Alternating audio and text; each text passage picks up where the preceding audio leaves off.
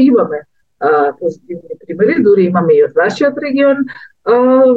позитивни примери, кога е еден од проектите кои што го работите пред неколку години имавме менторски сесии за самохрани мајки, кога дел од а, корисниците на нашите услуги, жените кои што беа самохрани мајки, а, беа дел од обуката, ја поминаа обуката, ги поминаа и менторските сесии, па тогаш имавме и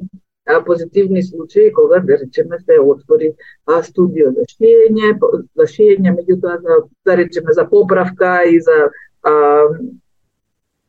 краткорочни ангажмани за шиење, понатаму имавме отворена една продавница во едно село во вашиот во источен плански регион, имаме повеќе такви во другите плански региони. Значи да, имаме позитивни примери и тоа не значи дека кога ќе се дојде на обука треба веднаш да се стане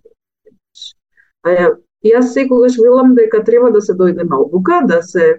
сознае што треба да се работи, меѓутоа и секогаш треба да се остави време за да се озрее мислата. И после 6 месеци, после година две, јас сум сигурна дека кај повеќе од оние кои што ги поминале нашите курсеви,